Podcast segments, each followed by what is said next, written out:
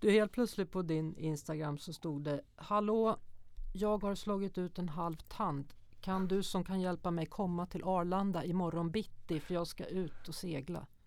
Kom det någon? Nej men jag fick, vad heter det, direkt när jag kom ner till Gran Canaria så kom ett filmteam och hookade upp med mig och sen körde mig direkt till en dentist Men jag vet inte vad jag tänkte där Jag var på ett jobb eh, med Samir och Viktor i Åre med Celsius tror jag och sen skulle vi åka direkt därifrån ja, till Gran Canaria, ja, det var så konstigt Men, men eh, Hur slog du ut tanden då eller? jag tror att det var en champagneflaska som kom Aha. åkandes i 360 graders timmen så här. Ja. Det var, det var Hur, får jag se hur det ser ut eller? Men det är ju Nu är den lagad. Ja, nu är den lagad.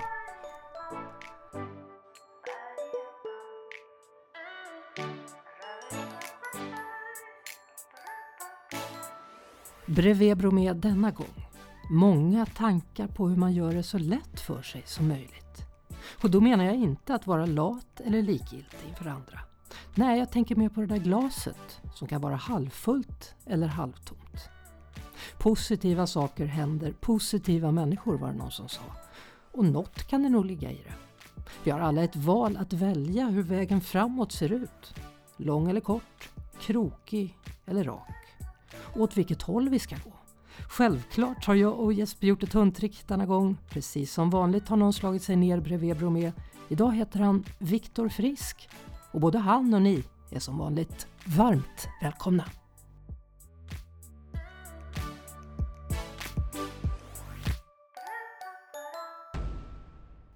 För sju år sedan så dök de upp i Mellon, Samir och Viktor.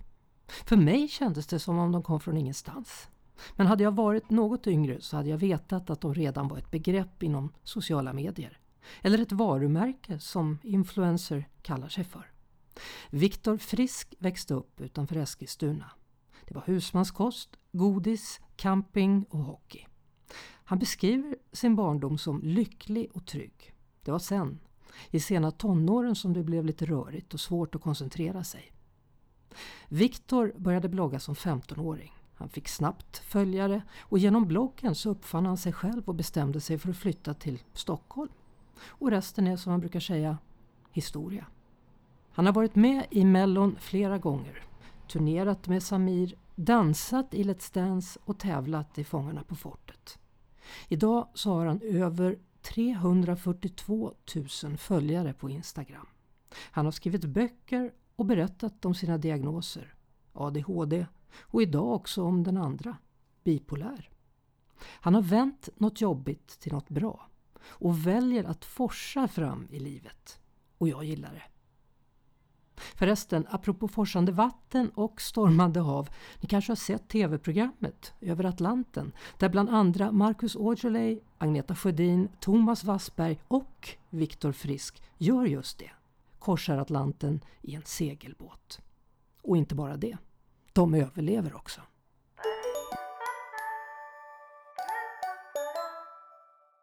Hörru du, välkommen hit. Tack snälla Vad kul att ha dig här. Det är kul att vara här Vad kul att du har överlevt. Ja, helt otroligt Ja.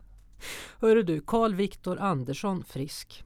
Eh, du beskriver dig själv som jag är bara en kille med stora drömmar. Ja Vad betyder det? Jag vet inte riktigt men det är så många just på instagram som hade skrivit uh, att de var entreprenörer och sociala medier-experter och de var influencers och musiker och allt möjligt. Och då var jag såhär bara, nej men jag är bara en kille med stora drömmar som gör vad jag vill. Har alltid varit så? Alltid. Du, du startade ju en, en blogg ganska så tidigt ändå. Jag var nog 15 år när jag startade den. Eh, och, och, och det var på något sätt för att jag ville göra något annat Alltså jag fick, ville få utlopp för min kreativitet och liksom vad jag kunde göra i livet liksom Så mycket mer än att bara sitta hemma i Eskilstuna och ruttna Ja men det byggde lite ett liv där som jag eh, kanske inte levde 100% men som jag hade velat leva. Men, men det är också mycket så här fake it until you make it Eh, Det är liksom lite så det funkar i den här branschen Är det så det Ibland. funkar? Ja men ibland, ibland i den här branschen ska jag absolut känna att det- det är bara att köra på, ända tills det funkar Men det är så skönt att- våga vara så hämningsfri och bara säga nu kör jag på här. Ja Aldrig några second thoughts. Nej alltså jag kommer ihåg när man tar det som exempel när jag stod på um, perrongen och hade hoppat av skolan efter andra gången och då står jag med två resväskor och åker upp till Stockholm och säger, ja men nu kör vi. Nu ska vi göra karriär. Jag hade 10 000 utifrån bloggen i månaden eh, och det kunde man knappt betala ett rum för liksom. Men eh, jag har alltid varit väldigt duktig på att snacka, alltid varit duktig på att liksom ta mig för i livet, inte varit rädd. En extremt tuff bana egentligen till att kunna göra andra saker samtidigt. Eh, och, och sen liksom i och med att jag hade både ADHD och eh, en diagnos så kämpade med också samtidigt. Mm. Men allt har bara löst sig väldigt bra. N- när förstod du att du hade ett varumärke då? Ja men än idag tror jag inte riktigt jag förstår att jag sitter på en impact, att man liksom har väldigt stor, inte makt ska jag säga, men man har, man har ett stort inflytande på människor och hur människor kanske agerar eller vad de tycker eller sen att det, det blir liksom, ja men på något sätt ett inflytande. Ja, vad har du för relation till de människorna? Jag har nog ganska nära relation till mina följare. Det är väl, väldigt ofta Hur kan att man ha det till 342 000 människor? Nej men inte så, men jag tror man förstår varandra ganska mycket. Eh, svarar på kommentarer alltid, försöker alltid hålla en god ton, ehm, kunna vara på, på sätt och vis en bra förebild för unga. Men samtidigt så vet jag att man kan aldrig vara en bra förebild för alla och man måste fortfarande kunna leva sitt liv och eh, agera på sitt sätt. Om vi nu säger att 342 000 följer dig, hur många följer du? Oj, ehm, jag ska kolla. Ja. Jag tror faktiskt jag följer en hel del. Jag följer 1626 personer. Om, jag skulle, om jag skulle ta din telefon och så skulle jag ställa frågor om alla dem, Ja. det skulle du inte kunna svara på. Nej, jag Nej. tror inte det. Många men inte alla. Eller långt ifrån alla tror Men jag. shit vad många hörru. Ja men jag, alltså ska vi vara helt ärlig, jag känner ganska många människor också. Jag gick igenom mina nära vänner-lista här om dagen och det är så här bara På ett och annat sätt så har man ju relation till hur många människor som helst. Mm. Men vilka räknar du som din innersta kärna då? För det, man har ju tur i livet om man träffar fem människor Ja absolut. som man verkligen, ja men du fattar, bondar med jag, har, totalt. jag har nog vet du, fem till tio vänner som jag verkligen är så här, den innersta cirkeln liksom. Ja. Eh, och, och, och däremellan finns inte jättemånga influencers eller som jobbar inom det branschen jag gör. Mm. Där har vi mer, ja men eh, min bästa vän han är bilförsäljare, jobbar på Toyota. Va, vad gör du när du umgås med dina nära vänner? Alltså vi gör ganska mycket saker. Allt ifrån tränar, festar, eh, mycket middagar, mycket tacosöndagar. Mycket, Söndagar? Ja söndagar. Är det inte fredag som är tacos? Jo det borde vara det men Ja. eh, det, det är liksom blivit söndagar för oss, det är så här, vi Men ofta, oftast gör man någonting både fredag och lördag och sen Mm. På söndag vill man bara ha en lugn dag och då bjuder man hem ganska många, inte många vänner men några stycken Mm. det, det är väldigt mycket öppet hus i min lägenhet Jag gillar när det är mycket folk runt omkring mig Jag- läste den sämsta raggningsrepliken om man är intresserad av dig. Ja, Det är att säga, ska vi bada nakna på Sergels torg? ja men det är en sådär, då raderar man den direkt Det kanske är roligt egentligen men jag tycker inte det var så jäkla kul Nej. Hur många, hur många är det som har försökt med den? Ja men den där har många kört med Och det, det, är så här, det är innan man ens hinner svara tillbaka så det är så här, ja, ja. Du, jag, funderar på det. För att du är ändå ganska privat om ditt kärleksliv. Ja, Om vi tittar på andra halvan av din popduo ja, så, så lever ju Samir mer ut kärleken i det offentliga. ja han har nog gjort det ganska mycket Ja. och jag har valt att bara vara Ja, men jag, jag, vissa Varför? saker känner jag inte ska vara offentligt överhuvudtaget Varför ska folk bry sig om allt hela tiden? Det, det är väl bättre på något sätt om man kan ha lite privatliv för sig själv också men, Nej men alltså jag bara tänker, du, du finns ju liksom överallt på Ja. alla sociala medier. Men just den här biten, där har du liksom som ett eget krypin då, eller vad ska man kalla Ja det men för? det är nog olika saker, det, det är mycket, vissa saker med mina när- närmsta vänner också Mm. och sen familjen liksom det, det, det liksom känns inte riktigt som att det behöver blottas så mycket Och sen vet jag ju, alltså framförallt när man träffar någon människa också eh, det, det är oftast ingen som vill vara i sociala medier Oftast ingen som vill eh, liksom ha en röst utåt Många vill ju bara vara normala, vilket jag också vill vara Men har du ett sånt liv parallellt där du känner dig mer normal och inte Viktor Alltså, och Viktor nog- Samir? Alltså förstår du vad jag menar? Jag är nog ganska mycket mer lugnare privat Jag är lite mer, eh, inte, inte inaktiv skulle jag inte säga men jag, är- jag, jag är inte lika extrovert i, i mitt privatliv eller när jag liksom är hemma om vi säger så eh, och, jag läste till och med någonstans där du beskrev dig själv som en grubblare. Ja men väldigt mycket grubblare, extremt mycket grubblare det är, så här, det är därför det är mycket lättare för mig att vara ute bland folk och jobba mycket och göra saker För då är det mycket lättare att bara släppa, men när jag är ensam då, alltså jag grubblar ju så mycket så jag vet inte Men vad händer då? Alltså blir det svart eller vad?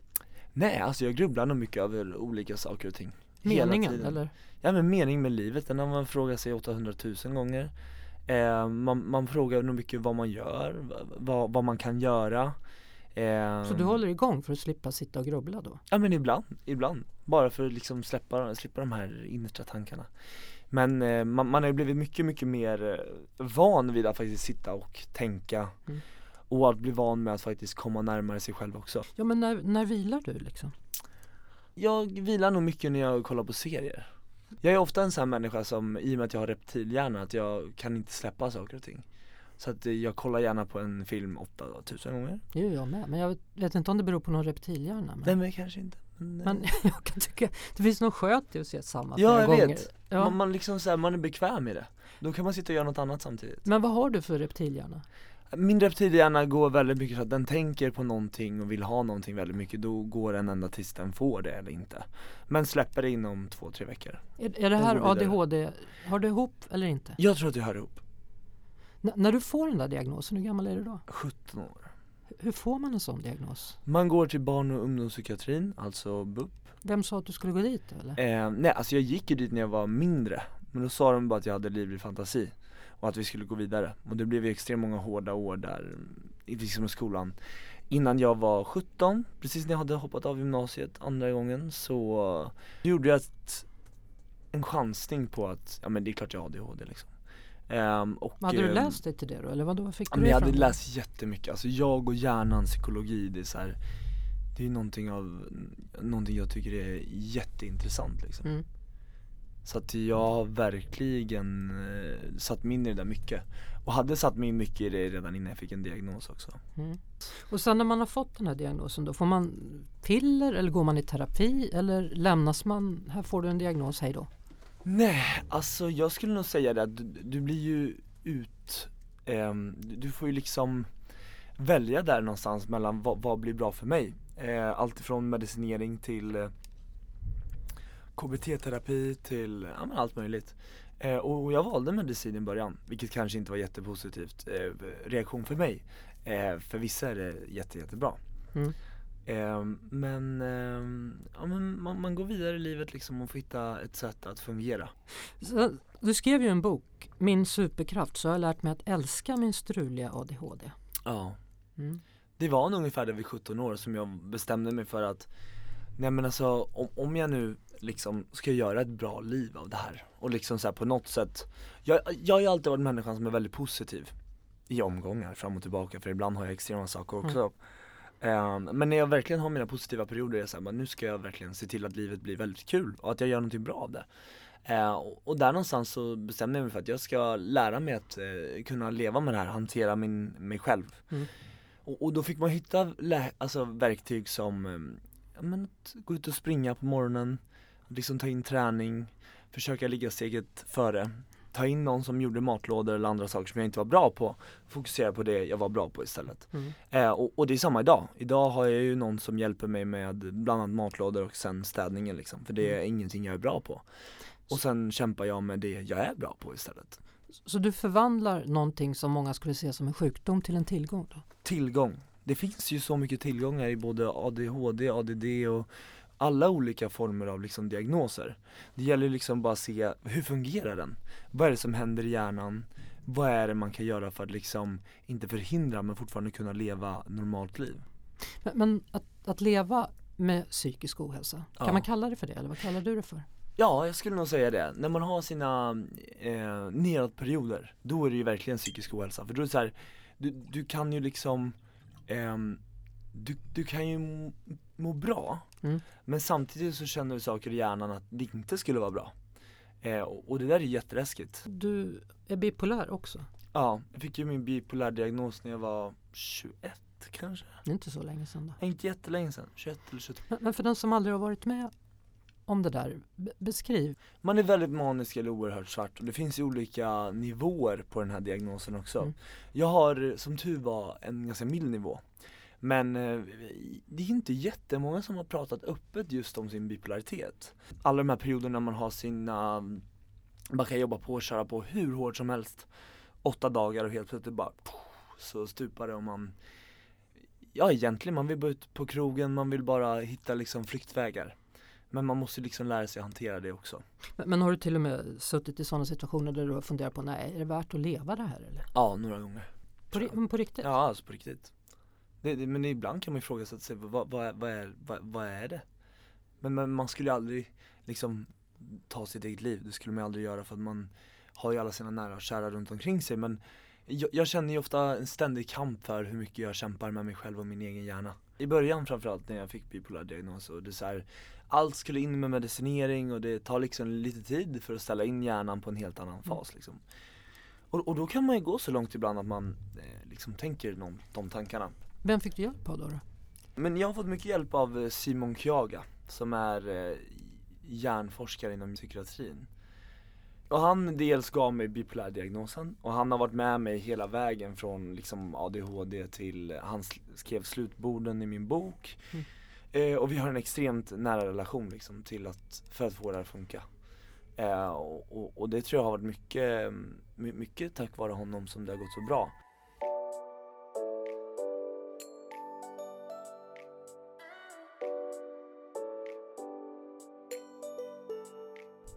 Är du bra på att säga nej till saker? Nej, fruktansvärt dålig. Ibland har jag människor som säger nej åt mig för att det verkligen ska bli ett nej liksom, att man inte kan ta på sig allting. Eh, jag har blivit bättre med åren, absolut, men jag tycker inte om att säga nej. Konstigt att säga nej. Ja, varför är det konstigt? Jag vet inte, det var som när du ringde mig häromdagen. Du sa nej, kan inte tacka nej. Det är för det första är det roligt och sen för det andra är det så här, det är ju en plikt. En plikt? Nej inte en plikt, så säger man inte. Men det är mer så här, det, det är ju mitt jobb.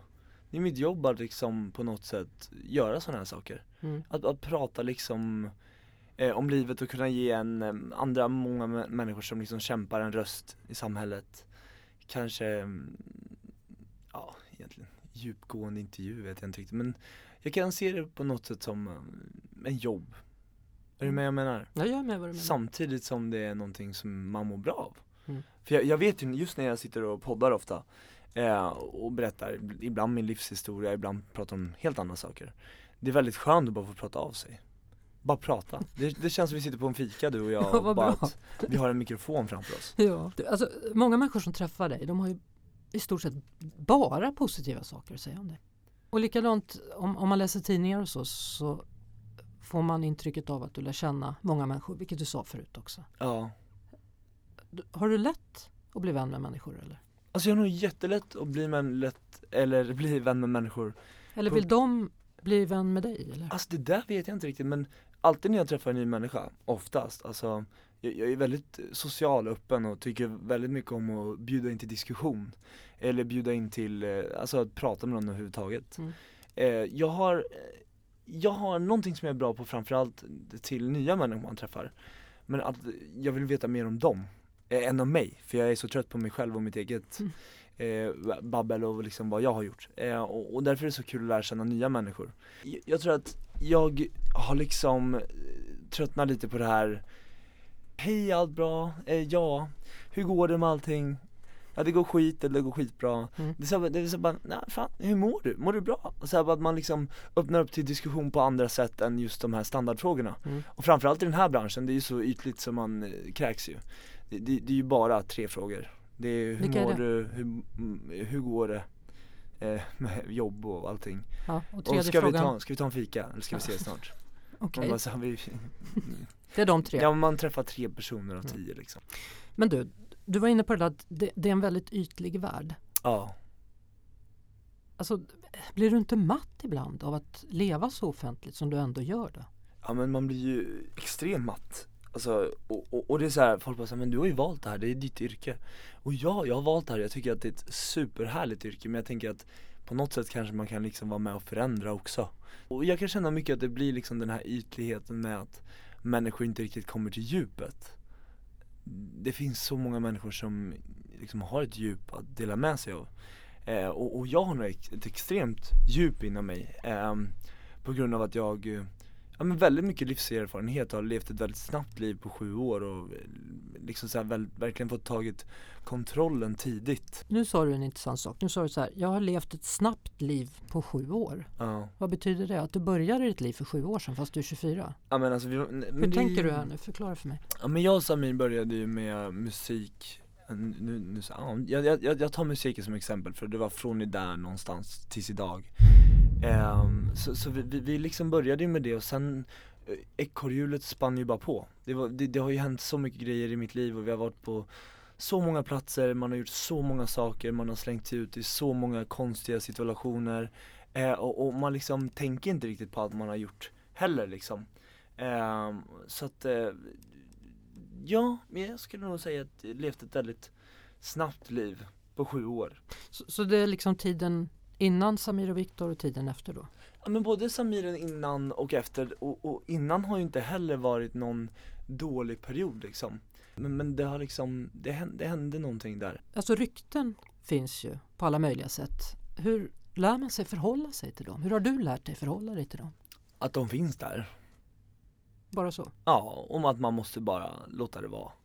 Ibland är det så att man absolut vill så här kommentera rykten och dementera, men nej men det var inte så här, det var så här.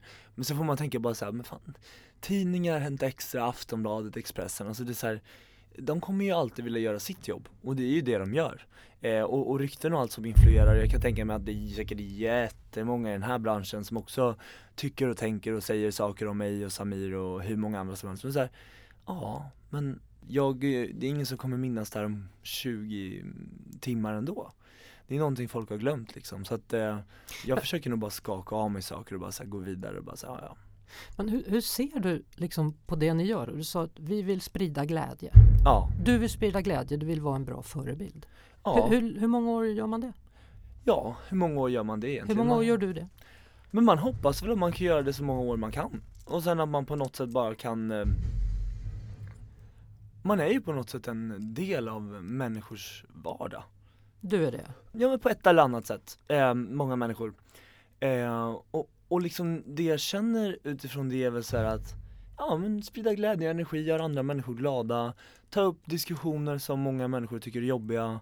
Ta upp diskussioner som jag själv tycker är helt katastrof. Eh, och, och sen också bara liksom så här, inte kanske bara glädje heller utan om man tar allt liksom. Du, men alltså när, när man är en duo, som du och Samir ändå, det var ju så ni slog igenom, Ja, får vi ändå säga. ja absolut Hur, hur viktigt är det då att man skapar sig en egen identitet? Hur viktigt har det varit för dig? Ehm, Det där med att skapa sin egen identitet tror jag har varit väldigt viktigt Framförallt eh, liksom i och med att jag eh, eh, jag, jag, jag var ganska ung när vi började med Samir och Viktor Jag var Ja, 17, han är lite äldre än vad ja, jag, Mm. jag var 17 då Jag är 24 idag Ehm, och, och jag, på något sätt så kände jag så här, jag kanske hade svårt att ha en egen identitet i början. Att vara med sig, jag hängde bara på tåget med Samir och Viktor. M- och man är ju ung liksom. Det, det är så här, under den tiden jag hittade mig själv och vem jag är, eller vem, ja, vem jag är. Ehm, Under hela tiden så följde ju mediatåget på. Mm. Vi gjorde ju mello flera gånger och vi, vi var ju ständigt i media och liksom det var ju ett, ett brus liksom Ehm, och, och vilket det är fortfarande fast i mycket, mycket min, mindre mängd skulle jag säga. På, på, på andra sätt såklart. Ehm, Men eh, ja, absolut, Eh, jag eh, känner nog att det var Jag, jag var nog inte mig själv från början. Jag Alltså- hittade nog mig själv mycket under vägen. Ja, Idag jag- säger jag mer, mer. Ja, jag funderar på det liksom. Om det är ett ständigt brus hela tiden, hur hör man sig själv då? Om man hör sig själv när man kommer hem. Ja, När man ligger hemma på kvällen När man ska sova, då hör man ju ofta det här eh, bruset liksom du, e- ett av dina inlägg på Instagram, Ja, får jag läsa den? ja kör Jag skulle aldrig göra en stor grej av detta. Känns inte som att det spelar en så stor roll egentligen. Men jag gillar både tjejer och killar.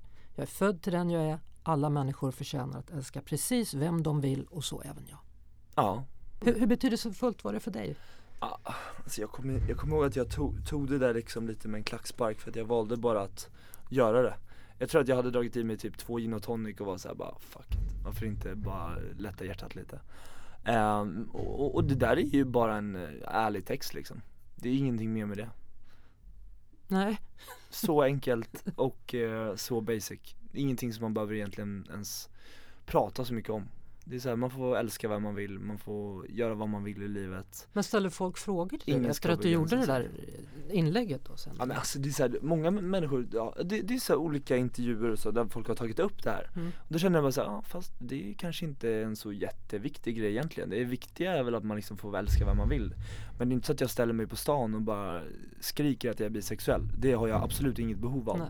Och det tror jag Men du har haft relationer med både killar och tjejer? Absolut, fram och tillbaka Måste man bestämma säger du? Nej jag tror inte det Nej det tror inte Alltså jag vi, vi, heller. vi pratar lite om det här, man man ska leva lite kanske så här. I, Ibland tror jag så här att man, man, man, man borde, det här låter så sjukt Man borde ha barn med någon man verkligen går bra överens med Mm. Man borde ligga med någon man attraheras av och man borde ehm, Man borde jobba med människor man verkligen eh, kan jobba med Ja. För jag skulle ju också rubricera mig själv som bisexuell, precis Ja. som du gör. Men det har varit så jäkla intressant för Mm. människor runt omkring och tidningar och andra att sätta en stämpel på vem jag är och min sexualitet. Ja självklart Det tycker de är ju jätteintressant men det är ju också någonting som eh, det, folk eh, läser mycket av, det är ju klick, klick, klick, klick, klick Ja. liksom Jag har bara valt liksom att jag, jag är människa, jag är den jag är, jag behöver inte Men varifrån får du den tryggheten då? För jag, alltså nu är vi lite olika generationer så att jag har nog fått kämpa jäkligt mycket med att acceptera den delen av mig själv. mm.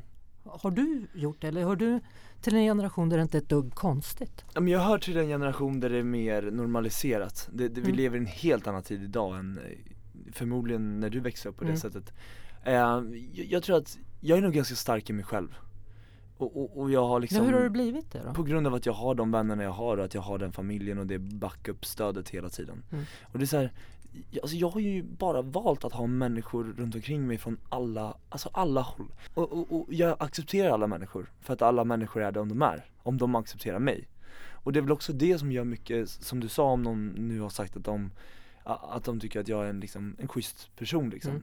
Det, det är nog ofta mycket att man accepterar.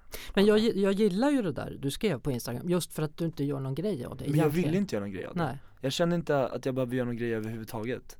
Det är därför sen när folk tar upp din intervju, bara, ja. Och sen vill de spinna vidare på det där i hundra frågor till och då är det så här bara Ja fast det, det behöver vi inte göra. Det, det hör ju inte till det här egentligen Fast jag, ty- jag tycker det är, det är skönt. Ja, nej men det, det är så jag är är, och sen är det så här, Ja. jag, jag, jag, jag, jag skulle varken säga att man är macho eller feminin eller man bara en människa liksom Ja, men det, det enda jag funderar på när, när jag läste det där, det tyckte jag väldigt mycket om det och att du var så sorgfri. Kan Ja. man använda det ordet? Alltså, var, var, men var det skrivet till andra eller var det skrivet som en påminnelse till dig själv? Ja framförallt så var det nog skrivet som en påminnelse till mig själv kanske Och sen också skrivet för att liksom kunna få andra människor att kunna få en röst Det var jättemånga som skrev till mig sen efteråt att de hade Ja men vågat tagit modet till att kunna liksom komma ut som eh, bisexuell eller gay eller hetero eller vad man nu Mm. kommer ut som När du var i Smögen, var det då du köpte det där armbandet? Det här? Ja, Ja det var det det är faktiskt så oerhört fint det där. Du får läsa. Ja det står 'fuck jantelagen' på Ja. armbandet eh, Jag tyckte att det var Det passar mig väldigt mycket Ja, För att jag tycker, jag tycker man ska få skryta och eh, vara stolt över den man är. Om man, när man, om man jobbar hårt eller om man gör någon bra sak i livet. Man ska vara stolt över sig själv. Och inte, jag har alltid sett ner på mina framgångar men senaste året så har jag lärt mig att se saker som positivt. Att det, det är bra, det behöver inte alltid vara bättre. men du, vad, Man nu, vad sa du nu då? Jag har alltid sett ner på mina framgångar. Ja men jag tror det lite. Hur menar du då? Ja, men jag har alltid, inte sett ner på mina framgångar men jag har alltid varit så här att jag känner alltid att man kan göra bättre, bättre, bättre, bättre, bättre Mm. Man liksom sätter sig på sig själv och bara så här, Så att du nu- gläds inte åt när du är bra, det kan, det kan jag känna igen. Ja men jag, jag kan inte ha glädts så mycket åt de senaste Mm. åren För, Förutom sista året nu när jag verkligen så här känner bara så här. Det här är ju bra, Men jag det är har, ingenting som är konstigt nej, jag har ibland varit inne i, i perioder när det har gått väldigt bra. Ja, Och då kan jag nästan få en sån här tanke i huvudet, du får inte göra fel. Nu ja, får du inte göra fel. Nu går du till jobbet, nu får, du får inte göra fel. nej, Förstår du vad jag menar då? ja Alltså att man pressar sig själv stenhårt. Ja men det, det gör man, man pressar sig själv och sen så här, man, man lägger upp ett Jag tror man lägger upp en bild i sitt eget huvud om vad en perfekt dag är Mm. Eller vad ett perfekt liv är Så bara, men jag ska skräddarsy mitt egna perfekta liv Men vad, vad är ett perfekt liv då? Är det balans, eller är det att vi får balans och sen att balansen går sönder? Eller är det ett bra kärleksliv? Eller är det liksom att det ska vara spikrakt upp i karriären. V- vad är, vad är ett drömliv? Vad, ja, vad är ett drömliv för dig? Men jag tror att jag, jag börjar hitta ett drömliv. Ett drömliv för mig börjar bli att känna mig trygg i mig själv, balans, kunna lära sig att kanske vara ensam. Ett drömliv är att kunna, ja nu låter det lite ytligt, men käka god mat, kunna umgås med sina vänner, resa mycket, kunna ha ett jobb som är stabilt och som, där man kan bygga vidare på. Eh, kunna jobba med bra människor och kunna Mm. göra bra saker i vad man jobbar med. Vad tror du om den här meningen då? Att, att bara kunna vara? Ja, och att bara kunna vara när man kommer hem. Det är bland det svåraste som finns. Det är jättesvårt. När någon säger så kan du inte bara vara? Ja, vad ska jag göra då? då? Ja, hur, hur gör man det då eller? Nej det är jättesvårt, bara vara. Ja, Ja, bara vara. Känn på den du. Det har mamma sagt till mig så lite, kan du inte bara vara lite och ha lite tråkigt? Ja jo, Och ha lite tråkigt. har lite tråkigt, jag skulle aldrig kunna ha tråkigt. Ska vi ta fem snabba här? Ja, Mm. kör. Segla över Atlanten eller ta tåget till Göteborg? Ja, ta tåget till Göteborg. Bada naken eller shuffla? Mm, shuffla, En spinnaker eller ett ankare? ankare, Mellon eller Let's Dance? mm, Melodifestivalen. Kemi eller feeling? Kemi,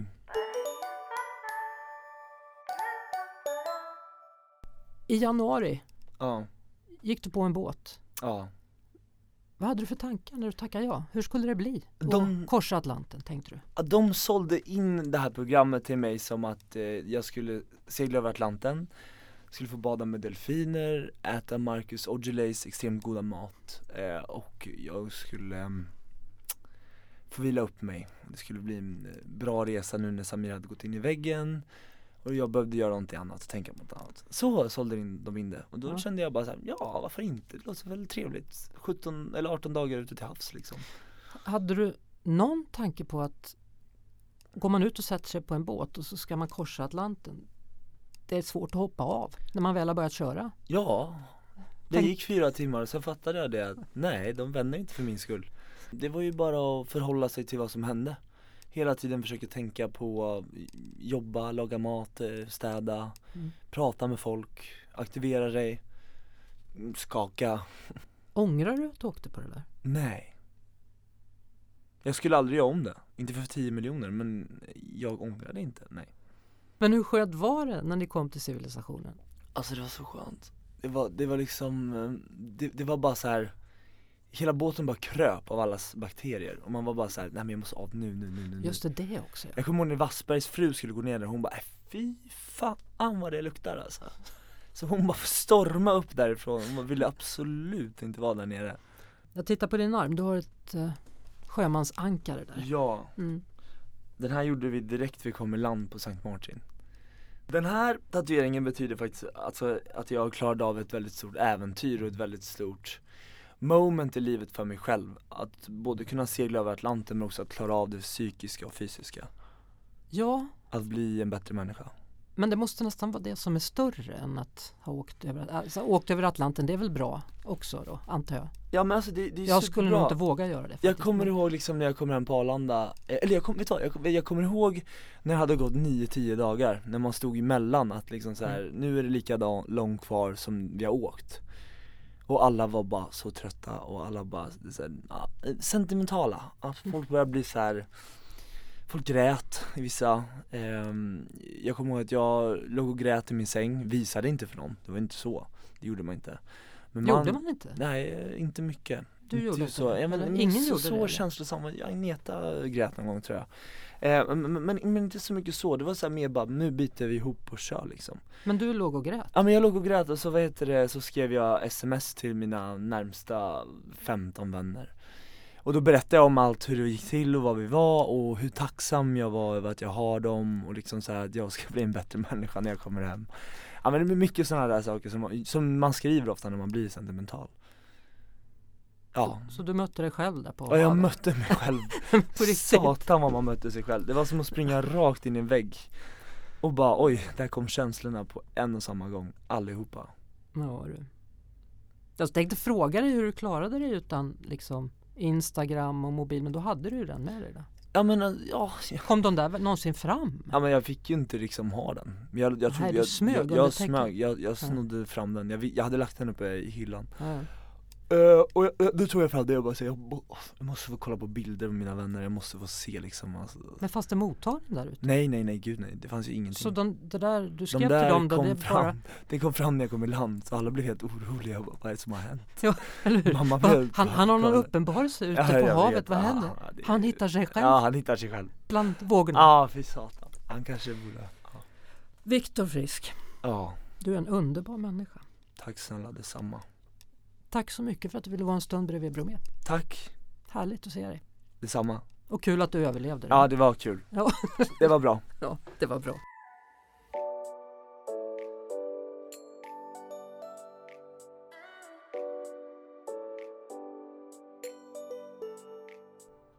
Det där med att hitta lugn och ro, det är inte det lättaste. Jag har i perioder av mitt liv jobbat alldeles för mycket. Och till slut så har det känts som om det brinner i hjärnan. Orden hittar inte rätt och det är svårt att lyssna på någon annan som pratar. För att inte tala om hur svårt det är att höra sig själv. Och så blir det totalt omöjligt att sova. Trots att både förkolnad hjärna och spänd kropp fullkomligt skriker efter sömn. Och så börjar hjulet snurra. Lite sömn gör att stressen kommer. Somna nu då! Och för lite sömn gör att funderingarna kommer på dagtid. Och sen snurrar det vidare. Då, den där gången som jag inte gick in i väggen, jag kraschade in i väggen. Då var det någon som med lugn röst sa Nu ska du bara vara. Det blev helt tyst. Det enda jag hörde var en röst inuti som skrek Hur gör man då? Bara vara? Jag hade tappat bort mig själv. Jag har gjort en lång, lång resa sedan den gången. Visst har det funnits väggar både här och var, men det är lättare att känna igen dem när jag är på väg att ramla rakt in i dem. Bara vara. Lär man sig någonsin det? Ja, kanske på landet. Där en häger landar på bryggan, katterna leker i solskenet och Jesper springer fri och bara är.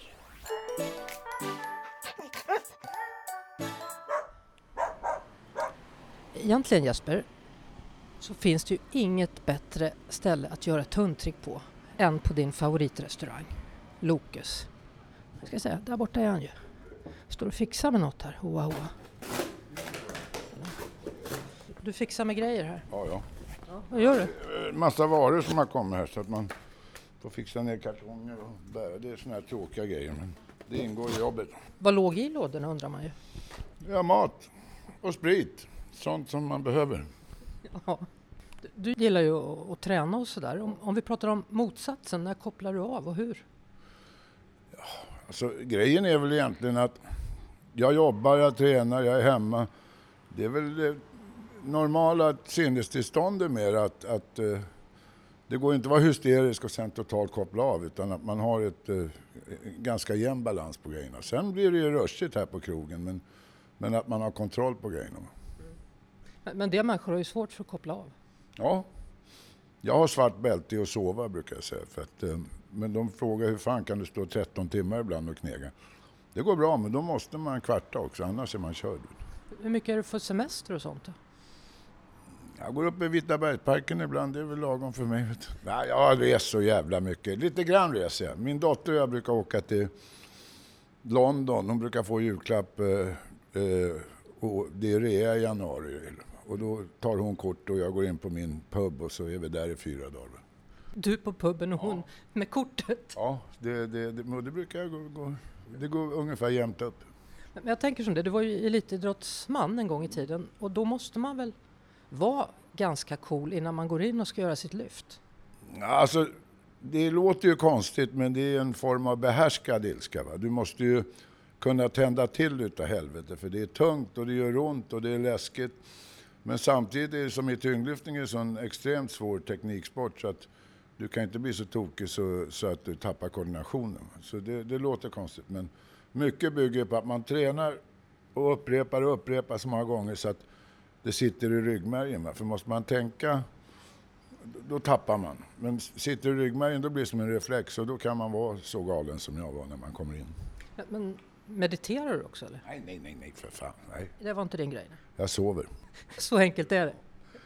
Ja, det är, men eh, jag var ju på GH bland annat där och sa till dem att ska ni bli riktigt bra då måste ni bli bra på att sova. Och då, då började de garva på mig. Men då kom läraren och sa, det förstår ni väl att ökar man belastningen på kroppen då måste man ju också sova. Det finns inget, alltså knark, brännvin, det är jättedåliga grejer. Men det finns ingen som sliter ut kroppen så mycket och så snabbt som för lite sömn under lång tid. Hur mycket lyfte du när du var som bäst? Ja, i stöt på raka armar gjorde jag 207,5. Vilket var bra, jävligt bra. Ryck gjorde 160. Var det mindre bra eller? Ja, det var något mindre bra. Det, var, det, det, är lite svårare tekniskt, så man kan inte vara så här omänskligt explosiv och kasta sig fram som jag gjorde, utan då fick jag behärska mig lite. Det gillar jag inte. Så vad har vi fått för råd här nu då, vad gäller koppla av? Sova. Ja, men det är alltså hela livstempot. Va? Det är ju, men jag hatar ju de där som inte, jag brukar säga, haft servitriser som jag kallar som skridskoåkare, alltså de lyfter inte på fötterna när de går. Då blir jag ju, då blir jag ju vansinnig. Va? Utan det går inte med någon sån här zombies heller. Va? Utan att man ska kunna växla upp men man ska kunna ha kontroll på grejerna. Du, det här är ju eh, en plats för hundar. Varför har du valt att ha det så? Alltså min första krog startade jag 87 och den döpte jag efter min hund, han var borta då redan, en Bronco. Men på den tiden fick man inte ta in hundar. Va? Sen har jag haft Linas bar som är efter min dotter och sen så här Loke, men Loke levde i fem år efter jag öppnade det här. Och eh, jag älskar hundar. Och det är jättemånga som eh, inte har hund själv som kommer hit och tycker det var trevligt. Och det är ganska vanligt att eh, några sitter där borta och så har de hund och så börjar de prata om hunden och sen blir de, börjar de umgås med varandra. Hundtricket funkar? Ja, det funkar jättebra här. Ja, Jesper älskar ju komma hit. Ja, han är ju präglad på kyckling. Jag brukar säga att de frågar, är det lugnt? Ja, för det mesta ligger det jättehundar och kvartar. Och är det någon som väsnas, då är det en sån här insekt eh, på åtta hektar som sitter i någon handväska och ylar. Vet. Ja, men det, lite större än så är han ju. Ja, han ja, men jag snackar om dem och då är det alltid någon kärring som säger nej, den är rädd. Va? Och de här stora, de ligger bara kvart. N när de har fått mat alltså. Ska jag låta dig återgå här till kartongerna nu då? Tack, ja. tack.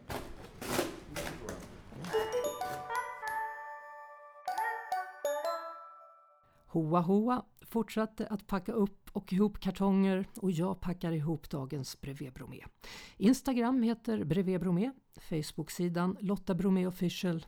Om två veckor är skådespelerskan Sissela Kyle gäst. Tills dess, ha det så bra. Och förresten, en sak till. Det finns ett talesätt. Om du inte vet åt vilket håll du ska gå, sätt dig ner så kommer själen hinna ikapp.